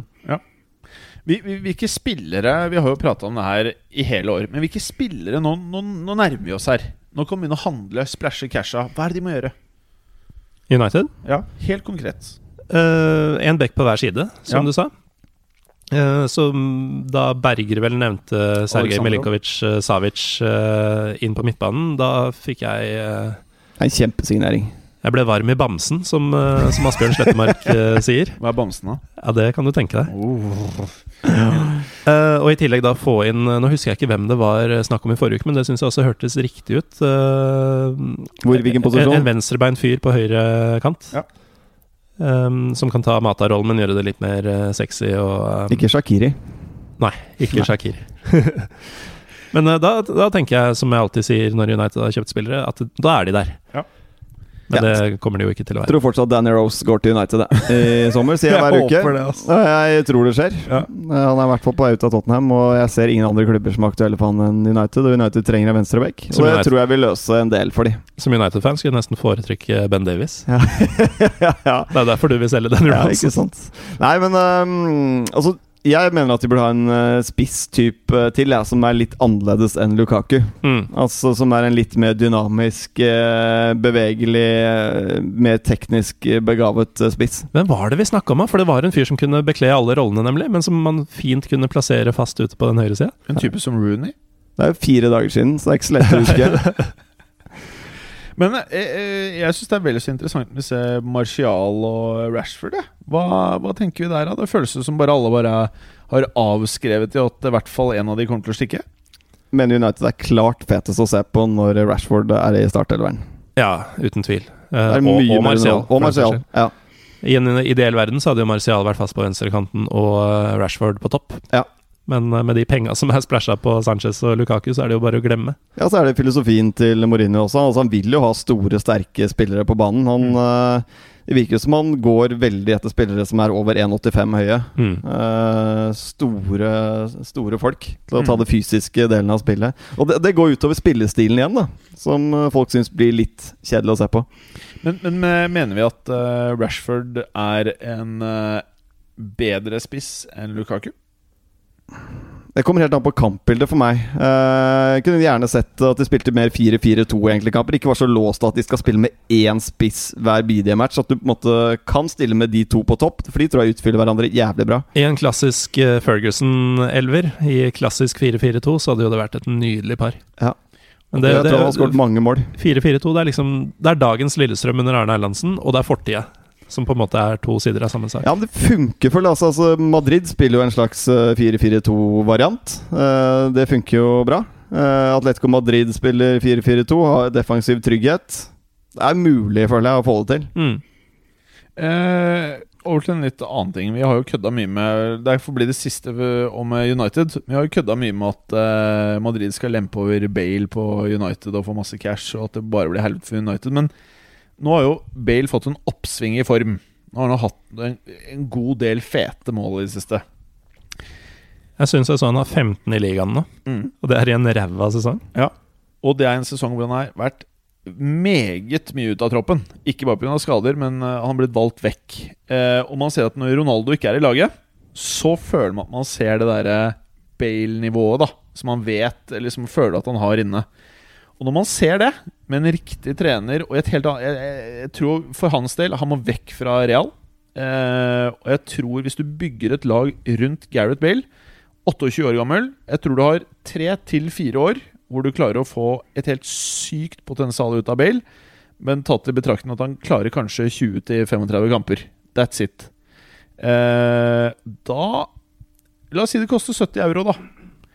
Jeg mener at det er noe av det smartere Helt seriøst, noe av det smartere United kan gjøre hvis du først skal bruke tullepenger. Eh, og du vet hva du får. Du får en fyr som kommer til å være mye skada, men du kan også få den X-faktoren som er nesten umulig å få i dagens marked. Jeg er helt enig i det takkegangen der. Altså Gareth Bale på sitt beste, har sagt det mange ganger, topp fem i verden, uh, syns jeg. En- han har jo alt i verktøykassa. Jeg føler at uh, Mats Berger på en måte er den djevelen på ene skulderen din. Fordi eh, dette er stikk motsatt av det du alltid Ja. sier når han er her. Ja, men ikke sant Greia er at jeg vil jo han vekk fra Real. Det vil seg ikke, ikke sant? Og så er det jo litt gøy at uh, potensielt så kan United splashe en hundrings her og få noe skikkelig drit som sitter på benken i tre måneder. Det kan skje, Ja. men det er ikke, jeg tror ikke det er det de får. Men jeg ønsker å lure meg selv til å tro at det er det vi selger med mellom 70 til 100 millioner euro her. Men hva er alternativene til Gareth Bale? da? Det er jo ikke mange. Den var en klubb som betaler latterlig høye lønninger. Ja. Da har du på en måte Da er det fire-fem klubber igjen i Europa som egentlig er aktuelle. Han drar ikke til en annen klubb i Spania, Nei. så da har du PSG. Bayern tror jeg ikke hadde betalt de lønningene. Du har United, kanskje City, kanskje Chelsea. Og jeg Ja. tror ikke han hadde fått plass på City. Jeg tror ikke han er en Guardiola-spiller. Og jeg tror ikke han er keen på å dra til Chelsea, som er bare som et blylodd på vei ned i, eh, i sumpen. Så United de kommer jo til å bruke penger helt til de får førsteplassen. Det er riktig. Det gjør de. Eh, bare for å ta Chelsea, da. Eh, utenfor topp fire, hva betyr dette, Morten Galesen og Preben Ringerike? Chelsea utenfor topp fire. Spådde vi det, eller spådde vi det ikke? Vi spådde det. Vi gjorde spådde det. Vi gjorde Ja. det. Vi endte på det til slutt, at de kom til å dette utenfor. Og det var jo det med Tynsdal, eh, Europacup, som eh, kom på toppen av det hele. Eh, det lå rett og slett litt grann i, i kortene. Men hva skal man si om det Chelsea-laget? Altså, det, er, det er jo en av sesongens skuffelser, uten tvil. Altså, elveren deres Der kan du plukke fra mye spillere som har gått rett inn på mange av verdens beste lag. Men som helhet, så eh, Hazard Jeg er frista til å si at det, det her er toppnivå, eller det er det beste vi kommer til å se av Hazard. Det kan være han får en bedre sesong, bedre stats, men Han er så ujevn. Veldig ujevn, og han føles ikke ut som en uh, fyr som klarer å løfte laget når det trenger det. Han er ikke den lederen, han er ikke det lyset i tunnelen. da Nei, men Selv på sitt beste så har ikke han vært den derre ustoppelige spilleren som du har sett uh, Aguero være, Suárez være, Ronaldo Han være. hadde én sesong hvor du liksom har tenkt at Ok, shit, det her This is it. Det er neste Ronaldo. Én sesong. Ja.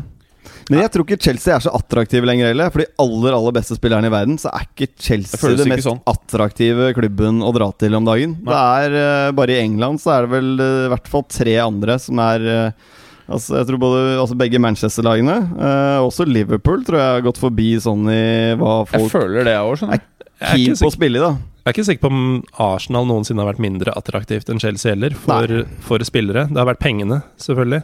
Men uh, Arsenal er jo eh, fortsatt en vesentlig større klubb enn Chelsea. Mm.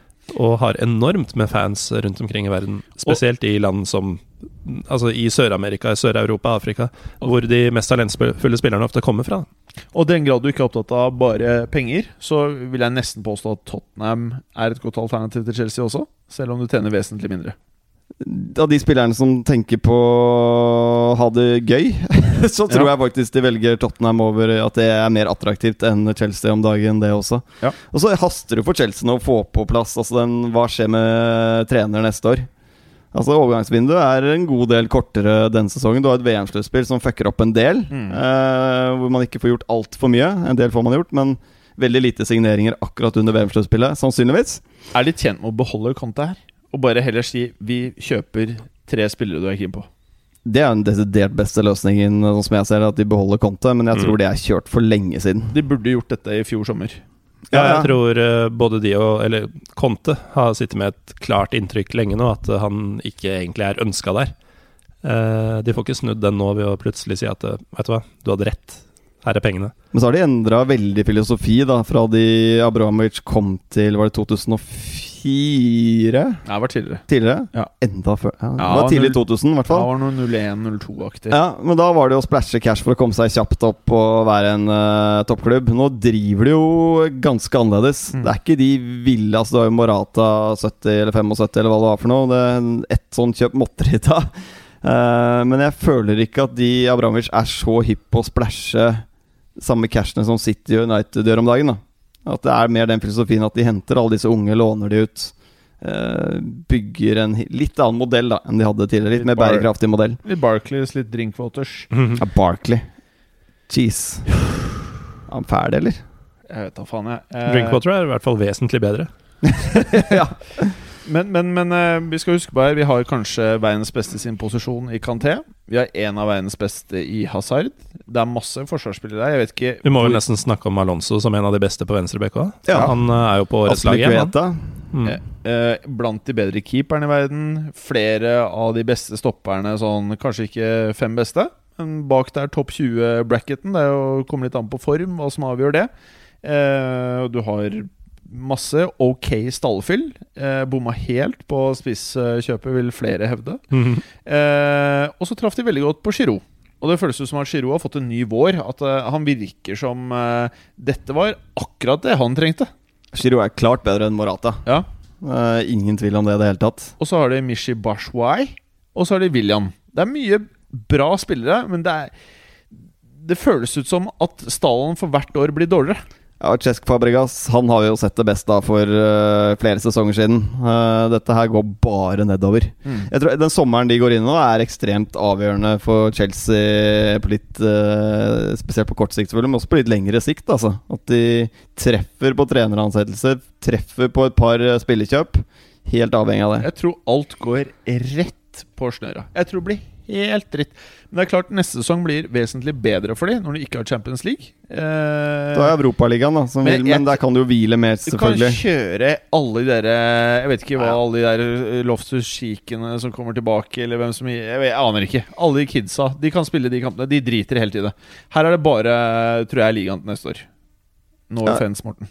Nei, nå har Nei, nok rett i det. Da. Så det er litt sånn som Arsenal gjorde i Europaligaen i år. Som du har sett Tottenham gjøre i alle årene i Europaligaen. Det er jo B-rekka som kommer innpå, så går det jo videre uansett fra den gruppa. Når du møter noe ja, Kypros-lag og i det hele tatt. Altså, Nevn et Kypros-lag. Eh, Eh, Limassol, er det ikke et eller annet eh, som heter det? AL Limassol. AL Limassol. Apoel! Apoel! Apoel, ja. Apoel, ja. Apoel. Yeah. Nettopp. Her, eh, dette er kanskje med på en annen podkast, akkurat det vi Ja. på nå. Men det, det er jo, Apoel er jo Champions League-lag. Bate er jo Champions League-lag i gamlemodellen til Champions League. Det er sant. Det er bare et par år siden de var der. Mm. Forrige sesong, tror jeg. Ja, ja. Ja. Så jeg har til og med hatt uh, spillere på fancy-laget mitt fra Apoel og Bate. Borisov. Ja. Eh, hva var det jeg skulle si eh, Hvis vi ser på Arsenal Vi var så vidt eh, var innom det. Arsenal har jo en minst like viktig sommer foran seg som Chelsea. Eh, Arsenal går nå i sin andre sesong uten topp fire. Og de var liksom den garantisten for topp fire frem til for uh, litt under to år siden. Uh, stallen deres syns jeg på mange måter ser bedre ut enn eh, Chelsea sin. Uh, jeg syns at selv om Jeg, syns det offensive der, med en riktig trener, så tror jeg du kan få ut ekstremt mye med den troppen du allerede har. Det tror jeg det er ikke offensivt skort i det hele tatt. Altså Aubameyang har jo vært en av Altså Premier Leagues beste spisser. ville! Kan kanskje argumentere for at han har vært den beste spissen de siste to månedene Ja, altså, i helt Premier League. Syke stats! Ja. Uh, Aubameyang er en kjempesignering. Jeg tror Lacassette kommer til å vise seg en kjempesignering. Jeg tror Mkhitaryan blir en helt ok greie. Uh, Øsel blir. Han kommer til å levere helt sånn steady i de neste tre-fire sesongene, eller hva han har igjen der. Og så har du en midtbane som jeg mener er eh, Det er ikke en midtbane der. Den kan jo sammenlignes med Stoke sin. Eh, no offense, altså. Men altså, Det er kanskje å ta i litt. Men altså, Ja, det de er mangler ikke så far-fetched, det du sier, faktisk. Nei, altså, De mangler en midtbanesjef eller to kvalitetsspillere sentralt på midten. Ja. Altså Elneni og alt dette her, de hadde ikke reagert om El Neni hadde spilt i Stoke. Nei, Det hadde på en måte vært antar- sånn helt grei signering for Stoke, hadde man tenkt. Ja, ja. Hadde ikke, Tenker han reager... spiller for Swansea om to år. jeg. For eksempel. hadde Altså, ikke reagert om Ramsay spilte på Everton. Uh, nei, i og for seg ikke. Nei, Samme Eh, Walcottens. Ja. Uh, og så har du Forsvaret, da, hvor Korselny nå er ute i hvert fall et halvt år med en røket uh, akilles. Eh, han andre ved siden av der, Mustafi, har jo vært egentlig litt sånn som vi frykta før sesongen. At det er litt opp og ned. Enkeltkamper så kan det se bra ut. Så har det han grekeren, Mavropanos. Ja, Mavro... Mav... Ja, dette kan du best. Ja, jeg eh, mener det er Mavropanos. Mavropanos, ja, det er han er 20 år gammel. Ja. Men Arsenal har jo alltid mye talenter. Ja, ja. Eh, så det er jo en haug av sånne ja. dritgode altså, Blant Englands beste 20-åringer er jo eh, alltid i Arsenal. Ja. Men så er det det å ta det neste steget. da Så De trenger jo kjøpe noe ferdigprodukt eh, på stoppeplass og på sentral midtbane. Jeg er jo, Nå har jeg sagt det så mange eh, år på rad, eller to år på rad, at nå må jeg bare fortsette å si det. Jeg tror Sjaka kan funke, og at han kan bli bedre. Eh, og da er de to eller tre midtbanespillere unna å kunne, eh, mener jeg, da, kjempe om topp fire. Sjaka burde egentlig spilt i West Brom.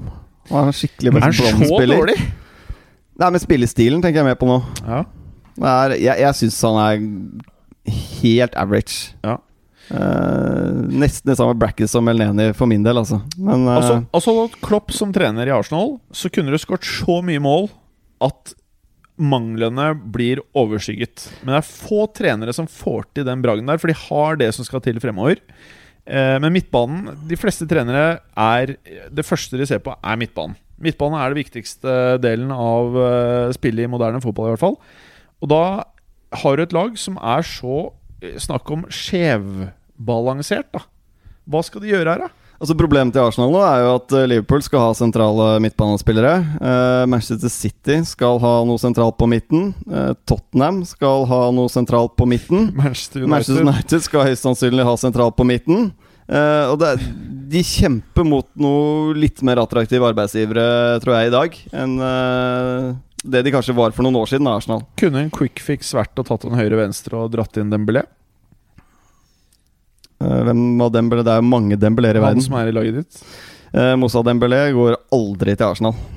Ikke noe Nei, det er helt sjanseløst. Ok, ok, ok Det, den, eh, det, er, det er Sol Campbell, det er ikke så mye annet som, som går den veien der. Det rivaleriet tror jeg er såpass hardt at det, det skjer ikke. Ja. Eh, Jeg føler ikke at det er For meg i Norge Altså- i hvert fall Jeg tenker ikke noe mer over det rivaleriet lenger.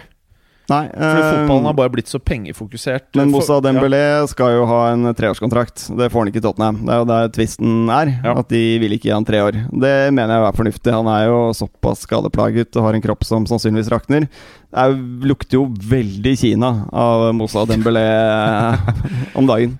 Eh, kokte hunder. Eh, Morten, du som kjenner flere av de litt dårligere ligaene i Europa. Er det noen quick fixes der ute på midten for eh, Arsenal? Ikke som jeg kan se. Eh, Vi har snakka om at det må være ferdig produkt, og det må det være. Og da har jo dere minst like god oversikt uh, som det jeg har. Det er ikke noen sånne Schalke-spillere eller noen sånne harde tyskere som man ikke tenker over? da? Ikke som ordner midtbanen til, uh, til Arsenal sånn umiddelbart.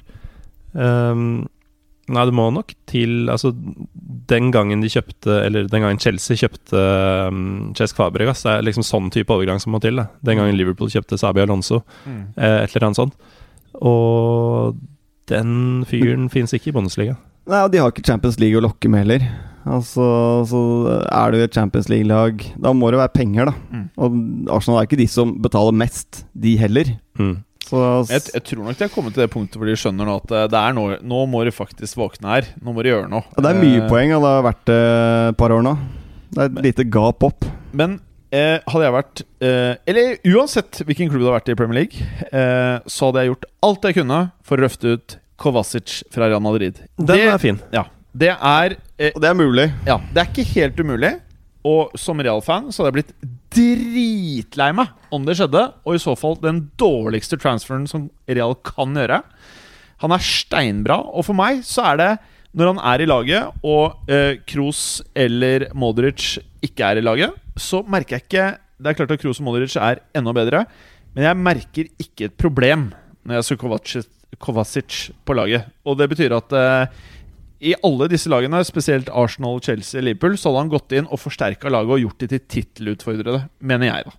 Helt enig når du er inne på dette. her Altså Den type spiller så er Brosevic i Inter en annen fyr som uh, Han også er litt inn og ut av laget og kunne, kunne nok blitt shaka løs forholdsvis enkelt. Ja. Det er to spennende spillere her, altså. Mm. Ja. Eh, Liverpool, eh, Gallosen. uh, din tyske venn uh, Klopp. Vi får jo nesten belage oss på at han er trener neste år også. Det må vi anta. Ja, det må vi anta. Tror ikke han får sparken når man skulle tape Champions kanskje League-finalen. det er noen spanske lag som begynner å grafse litt. altså, det verste er Bare hør på denne hypotesen her. Hør nå. hør nå, hør nå Jeg har tenkt på dette her. Hvis Real taper finalen i Champions League, så tror jeg Zidane rett ut. Og hvilken trener er det de kan hente da? Jorgen Klopp. Tenk deg Tenk deg noe sykere enn det, ja. Da kommer Salah også. Ja, da kommer Salah. Eh, men men eh, Klopp blir jo i Liverpool. Salah blir kanskje Liverpool, jeg vet ikke. Han blir. Han blir Åh, grusomt. Eh, hva skal Liverpool gjøre nå for å ta eh, et steg nærmere gullmedalje? Ja, det Når man ser på laget dem, så føler man at man har i hvert fall åtte svar på det spørsmålet.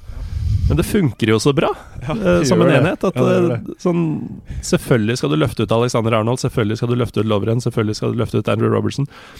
Men du kan jo ikke, kan jo ikke det. Det funker bra. Nå får du Keita, da. Ja. Det er jo en uh, solid mann de får inn der, men de er jo nødt til å hente én til sentralt. Jeg føler at eh, i den grad det er en svakhet der, så er det ingen standout på midten der. Jeg syns de har sånn fem-seks ganske jevne mann, og det, det krystalliserer ikke ut en klar uh, treer. Jeg er veldig enig i akkurat det du sier der. Sånn som kanskje en sånn van Dijk-løsning på midten. Bare du har én dude som kommer inn, som løfter resten av gjengen. Mm. Eh, og man kunne jo selvfølgelig sagt at Keita kanskje er det, men nei, han, han kommer til å være en av de fem-seks, han også. Ja. Uh, med mindre han uh, virkelig hever seg et par hakk fra det jeg har sett ham på sitt beste. For han, han må opp fra minst det han var forrige sesong, og vel så det, skal han slå ordentlig til i Premier League. Og Klopp øh, skrytes jo selvfølgelig av med rette denne sesongen, men øh, Liverpool har jo faktisk tatt ett poeng mindre denne sesongen enn de gjorde i fjor. Det er Og er fortsatt på fjerdeplass Ja. i Premier League. Ja. Um, Men det er- så så, det- så Og det var så vidt, det òg. Men det Ja, sier litt om hvor, hvor, hvor, Altså Med United så føler jeg at de har hatt en ræva sesong. Liverpool har Mm. hatt en fantastisk sesong. Og det sier litt om at det er viktigere å bli underholdt enn å ja, Er du nøytral sånn som oss i de oppgjørene her, da, så er det jo Du vil jo se underholdning. Ja. Og da tenker du at Liverpool har hatt en god sesong, da, så har jo egentlig United hatt en mye bedre sesong. Altså Se bort Ja. fra Champions League, selvfølgelig, da, som er eh, stort. Faktisk. Ja, hvis du ser Hvis det er tre kamper, da. United tar sju poeng på de tre, med én 2-0-seier, én 1-0-seier og én 1-1 borte mot et sterkt lag. Tenker du at det var døvt? eh, og i samme periode tar Liverpool fire. Eh, de taper en kamp 3-2. De vinner 6-0 mot Swansea. Eh, og så er det 4-4 mot Arsenal. Ja, ja. Og man tenker jo fy faen så mye fetere det er. ja. ja det er eh, ganske fascinerende, altså, hvordan man blir litt uh, blendet, selvfølgelig, av det man ser uh, på banen. Uh, men offensivt og altså, Jeg syns Forsvaret faktisk ser bra ut nå, altså med van Dijk. Vi har ledd mye av van Dijk, men det er jo ingen tvil om at han er en god fotballspiller. Mye penger, men det var kanskje det de trengte der og da. Mm. Eh, offensivt beholder de de tre på topp, det tror jeg de gjør. Og da mm, går Liverpool mot nok en god sesong. Men Ja. jeg syns det fortsatt er jævlig langt frem til Manchester City. At det er Mm. umulig egentlig å snakke om Liverpool som en tittelutfordrer neste år.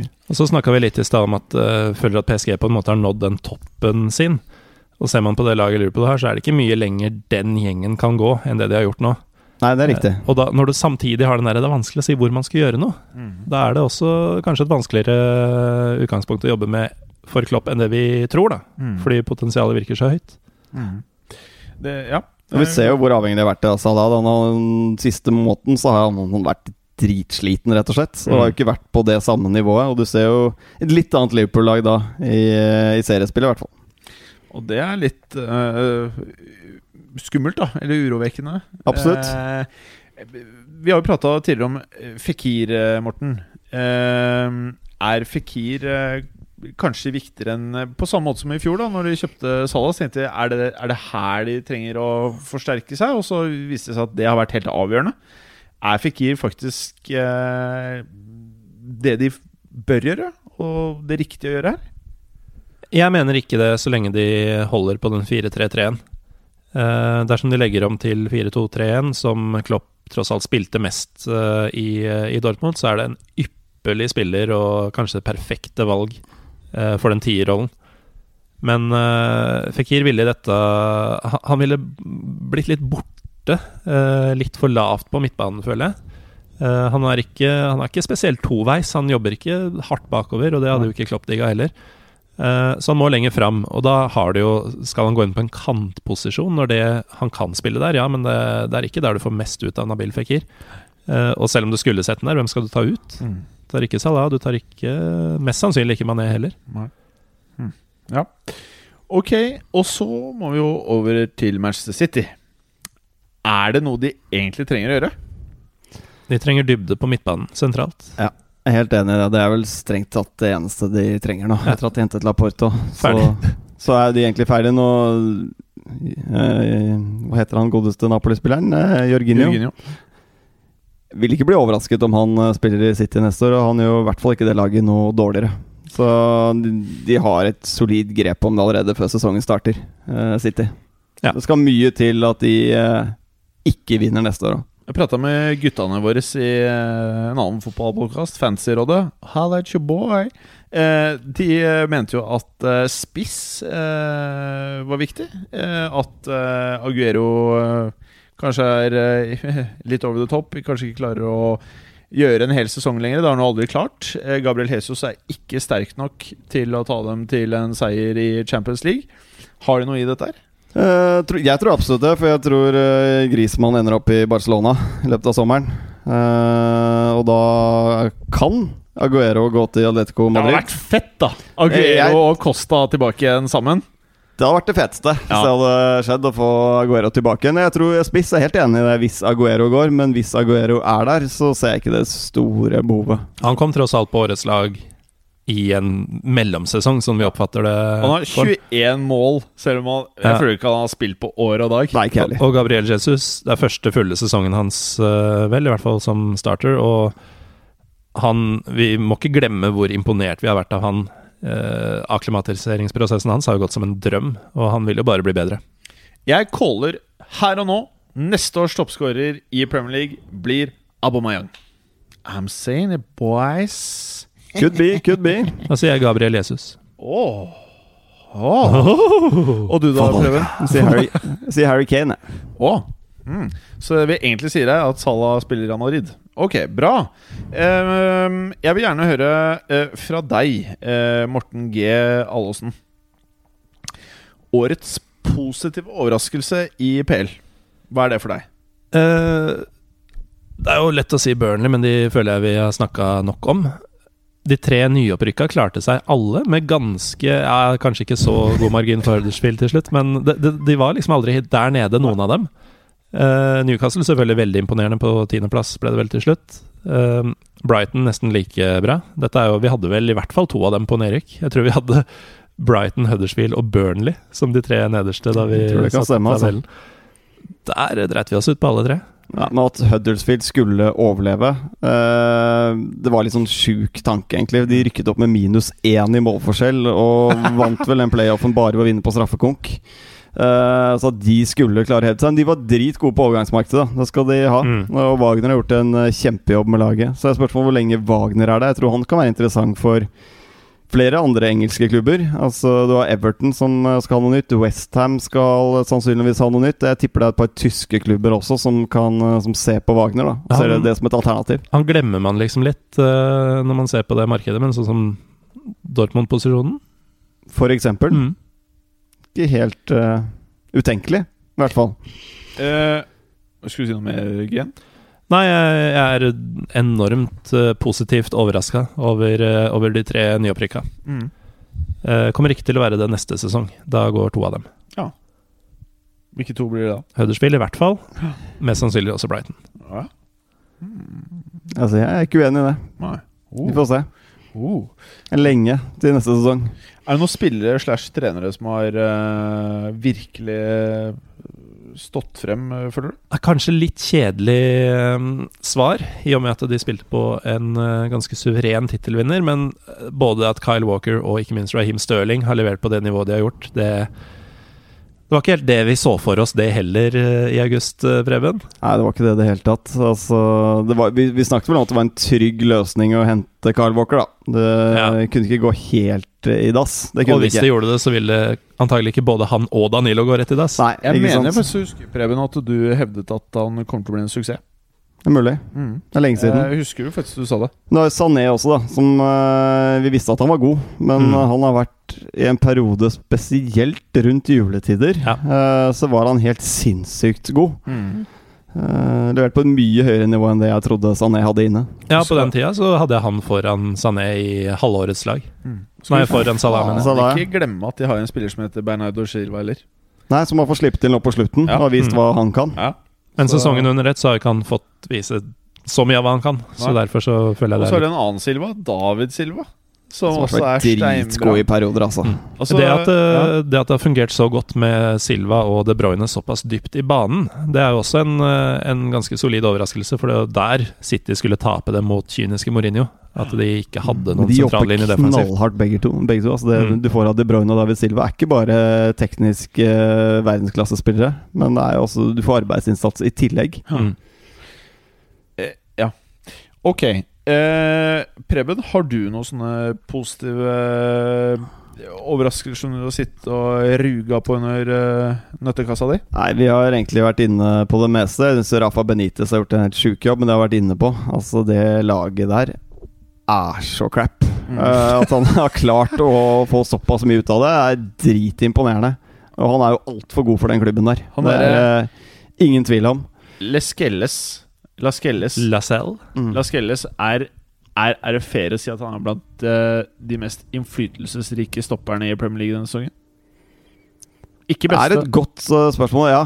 Eh, ikke blant de beste, syns jeg. Jeg uh, har vanskelig for å se for meg at han er den redningen for Arsenal, f.eks. Ja, men han betyr utrolig mye for den gjengen som går ut på St. James' annenhver uke. Mm. Um, det virker som om de er Det er jo en klisjé, men eh, det er jo et helt annet lag med og uten han. Eh, det virker som om det er at det oppstår et stort vakuum i, uh, i, i innstillinga deres til kamp, Mm. når ikke Lacelle er med. Mm. Så sånn sett så er du helt klart inne på noe, Jim Fosheim. Er Lascelles uh, klar for en annen klubb eh, neste sesong, tror dere? Tenker det ville vært dumt både for han og klubben som kjøper. Ser jeg for meg sånn Everton eller noe. Ja. Altså, ja, jeg tror han har godt av bare å bli der en sesong til. Jeg, og håpe at uh, Det er kanskje longshot å håpe at uh, Newcastle bruker veldig mye penger på store spilleoverganger. Det skjer neppe, men uh, Danny DeVito lookalike, egentlig ikke eh, Benitez. Eh, han spiller pingvinmannen, vet du. I Batman. Må du gå? Jeg må gå. Kan, bare, bare, kan du svare på det følgende Eller kan vi ta årets lag bare superkjapt? Superkjapt. Superkjapt, folkens. Superkjapt, Årets lag Årets lag i Premier League. Kom igjen, karer! Bring it down! det, Vi begynner jo med keeperen, og det er jo ikke noe spørsmål engang. Uh, David De Hea. Å, ikke Karius? Ok. Mhm. Nei, altså Det nivået han har levert på i år Ja. Han er forskjellen på at United er på andreplass og ikke på fjerde. er Min Eller påstand. sjette, ifølge rapportene til. Berger. Ja, nei, men det er jo det er mye poeng, altså. Det er eh, i hvert fall ti poeng han har uh, redda for den eh, klubben i år. Eh, helt vill sesong. Altså, han gjør jo ikke tabber heller. Nei. Altså, det er så stabilt. Ja. Han er dritbra. Eh, så det er det. På keeperplass, i hvert Ja, veldig bra. veldig bra Da er keeperen Ella. ja. Ingen uenigheter. Jepp. Forsvaret er den jeg var sikrest på, er Jan Fertongen. Som jeg syns har vært dritbra hele den sesongen her. Helt altså i alle Han har vel spilt alle 38 matchene også, og kanskje missa igjen. Og så er han eh, en organisator også, eller? Ja, han er jo sjefen bak der. Eh, ro med ballen. Altså, det er aldri noe panikk. Det er spille seg ut bakfra, ballsikker. eh, komplett, altså, om dagen. Han har jeg. egentlig alltid vært sånn. Det er bare at Ja. med all det VRL ved siden av, så var han litt mer sexy og tok Ja. den glansen. Men han har jo vært eh, Ja. mye ute, og da har vi sett virkelig hva som bor i Fertongen. Jeg føler at det er sveisen til Oliver VRL som har gjort sånn at vi ser mest på han. Ja, og så Fertongen ser litt kjedelig ut, ja. Men uh, siden jeg må gå, kan jeg bare kjapt uh, komme med mine Ja, kan punkter. Jeg, jeg så på PFA-laget, uh, det offisielle årets lag, og jeg må innrømme at jeg har egentlig ingen eh, innvendinger mot det. Hva er det laget, da? Nei, det er det Hea Fertongen som Preben har, og så ved siden av Fertongen er det Otamendi. Uh, som jeg syns har vært strålende i år, faktisk. Og det eh, Litt tilbake til at man ikke skulle se på forventninger i, i forhold til hva de faktisk leverer, da, med, i tilfelle Neymar i Frankrike. Men her må jeg rett og slett gjøre det, for jeg forventa ingenting av Otamendi i år. uh, og han har vært uh, Så lenge han har hatt riktig partner ved siden av seg, så har han vært bunnsolid. Mm. Selvfølgelig litt kråkete når, når ting eh, skjærer seg, men uh, det, det har vært så lite av det at han har rett og slett vært en veldig, veldig god stopper. Mm. Så er det Alonso og Walker på bekkene på det laget. Det er Ja, jeg har ikke mye å si på det. Eneste er Alonso går det an å debattere, tenker jeg, på det laget der. Altså Kyle Walker mener jeg er den beste høyrebacken i Premier League. Eh, egentlig ingen tvil heller eh, om det. Eh, Sier det mer om Walker, eller sier det mer om Premier League? Jeg syns det har vært eh, litt svakere nivå jeg, på høyrebekken i Premier League denne sesongen her. Få For- som har bemerket seg veldig, da. For etter Eh. føljetongen, når man prater om Otamendi, så jeg vet ikke hvem jeg skulle sagt som hadde vært en utfordrer. Jeg syns egentlig ikke det er så mange stoppere som har Ja, Van Dijk, da, siste halvdel, syns jeg han har Ja, vært men eh, ikke solid. he- ikke hel nei, I. Southampton så var de Da var han på vei ut. Eh, så første Mm. halvdel var jo ganske svak fra Ja. van Dijk. Men jeg har jo også Ben Davies, da, som jeg mener er nærme faktisk Ja. Mm. Alonso på venstrebekken. Men eh, Alonso også har jo skåret noen viktige frisparkmål også denne sesongen. Ja. Mm. Men jeg, jeg må stikke. Ja, Så, ta, jeg, resten, jeg ta resten bare kjapt. Ok, uh, midtbanen Dette er jo det offisielle laget, Ja, så folk kan ja. jo søke det opp. Men det er uh, en treer med Silva, De Bruyne og Eriksen. Veldig balansert. Ja. Eh, og den fremre treer da Salah, Kane og Aguero. Ja. Så kan dere ta det derfra. Skal vi debattere? Ja. Skal vi uh, koble ut denne mikrofonen, eller skal vi bare si til lytterne at nå kommer det et lite dunk antagelig når jeg legger den fra meg? Du kan jo koble den ut, bare. Ja. Eh, Ja, det, Ha det, Morten. Uh, Preben, er det noen av de spillerne vi kunne sjonglert litt på? Altså Hvis du ser på forsvarsspillere, så har det vært vanskelig å finne folk. Eh, men hvis du ser på midtbane og spisser, så kunne de jo spilt med en femmer på midten og fem spisser. Eh, bare droppa egentlig forsvarsspillere denne sesongen her. Fordi du har Raheem Sterling, som har vært eh, veldig god i mange matcher. Det er også Sané, som godt kunne vært inne på et eh, årets lag. Um, Firmino eh, banker også på døra der. Jeg ville kanskje hatt Firmino foran Aguero. Mm. Eh, jeg synes Ville du det, Morten? Ikke Firmino foran Aguero? Jeg kan se appellen i det. Ja, fordi Men Aguero skåra, hva var det, 22 mål vi sa? 21? Ja. Og han hadde en dårlig sesong og var ute av laget lenge. Nei, Aguero er på laget. Jeg syns kanskje Aguero burde vært på årets lag eh, fem Ha år på rad. eh, Ha det godt, Morten. Fem år på rad andre Ha sesonger, men kanskje ikke denne sesongen. Mm. Um, så er jo Salah og Kane eh, på topp. de må du på en måte ha med på et årets lag når du skårer uh, vel 32 på Salah og 30 på Kane. Mm. Og Det er interessant med Ken, da, for jeg syns Ken har vært svakere denne sesongen enn forrige sesong. Og Mm. egentlig vært relativt anonym i ganske mange kamper. Mm. Det er bare han Par skårer så jævlig mye mål, selv om du egentlig ikke Jeg tenker ikke alltid over hvor mye han bøtter inn, men eh, Jeg tror han har seks mål på de siste syv serierundene. Altså, ut, uten at man egentlig har lagt merke til Harry Kane i det hele tatt. Men det er et eller annet, og det forteller jo meg at han er en klassespiss, da. Og så er han en eh, lagspiller. Ja. Eh, føles det også ut som, da, utenfra. Ja, Han jobber i hvert fall hardt for laget, men uh, han er uten tvil ganske ego når det nærmer seg Ja. 16-meteren. Men, Ja, det, men det, det tror jeg også du være. må være. som Man en toppspiss. da Du må ha litt den driven at du vil skåre 30 mål. Du setter deg, Han setter seg et mål, så han skulle ha 50 skåringer denne sesongen, ender på 40. Ja. Eh, Men det er litt den greia både Messi og Ronaldo har, da uten sammenligning for øvrig. At Vet du hva, Hvis jeg har muligheten til å skyte, så er det større sjanse for at jeg scorer enn hvis jeg spiller ballen til en annen. Det, Sånn må det jo nesten jeg tenker det bare må bli, være da. sånn. Så, Men det årets lag der er jo i og for seg greit. Men det er mange gode offensive spillere, altså. Ja. Eh, eh, Premier League altså mer alternativ fremover eh, på årets lag enn bakover. Ehm, har vi noen skuffelser fra årets sesong, Preben? Er det noen spillere, er det noen lag, trenere? Er det, er det et eller annet som vi liksom føler har vært altfor dårlig ut fra hva som var forventningene? Jeg har vært innom Alexis Sanchez, som jeg er skikkelig Ja. skuffet over den sesongen. Altså, det har vært en helt middels Premier League-spiller den sesongen, og jeg forventer så ekstremt mye mer av han. Uh, og det tror jeg kun har vært mentalt. Kanskje den sommerferien han får nå, hjelper. At, uh, men jeg ser for meg at United ikke er et veldig annerledes fotballag når vi kommer i august. Nei, ikke heller. Jeg tror vi får samme tralten igjen. Uh, og det kan godt hende at de tar 85, 86, 87 poeng. Øh, og er med helt inn i gullkampen. Men jeg tror for uh, nøytrale tilskuere så velger du heller å se Liverpool spille 4-4 mot Watford Ja. enn å se United Eller Tottenham. eh, Eh, for eksempel. Eller Arsenal. Jeg tror Arsenal, ja, Arsenal også tror jeg kommer til å være Ja, Mm. helt enig i det. Så jeg, de er på en måte det kjedeligste av de topp seks-lagene. For en nøytral en. Hvordan vil du oppsummere sesongen til en Morata? Vi har jo fått uh, fikk noe Twitter-greier på det, faktisk. Ja, fordi moste oss fordi vi bomma så fælt på Morata. Men du sa det? ti mål. Han endte på elleve seriemål. Hva, jeg mener at jeg må ha vært den eneste i Norge som turte å gå ut med det greiene der. Ja, skal vi se Men eh, Nei, men altså, det er jo elleve mål på Morata. Det er Men burde, burde ikke folk hylle hvor godt vi har truffet på det Morata-greiene? Jeg er helt, uh, helt enig. Og så burde du satt penger på det. Ja. Eller da hadde du tatt pengene, da. Men, uh, Nei, vi men var uansett, jævlig nære. Elleve mål er jo Betaler du så mye penger, så er det for dårlig. Uh, og Morata, nå begynner han jo faktisk å bli Han er ikke talent lenger. Nå skal han levere hver eneste uke. Slå Slår meg ikke som rett og slett god nok for å være i en eh, han, er ikke, han er ikke en verdensklassespiss, rett og slett. Mm. Det er han ikke. Enig. Um. Jeg vil si at det beste kjøpet, hvis vi skal gå på kjøp Beste Mm. kjøpet, Salah. Det er ikke Ja, ja, det er ingen tvil. Ja. Dårligste kjøpet er for meg hands down Morata. Ja, det er helt enig i. I forhold til penger brukt, hva du får igjen for det, og hva du høyst sannsynligvis får igjen for det de neste to-tre årene. Ja. Jeg tror ikke det blir noe sånn eh, Han skårer ikke 25 mål neste sesong, han. Nei.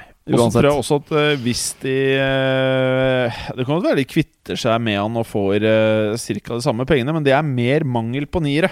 Det er Mm. mer mangel på mulige niere å kjøpe i verden enn at Morata er verdt noe i nærheten av de Mm. summene der. Mm. Han er Han burde vært i Real og vært en fast Solskjær for Real Madrid. Så han har vunnet masse Champions League.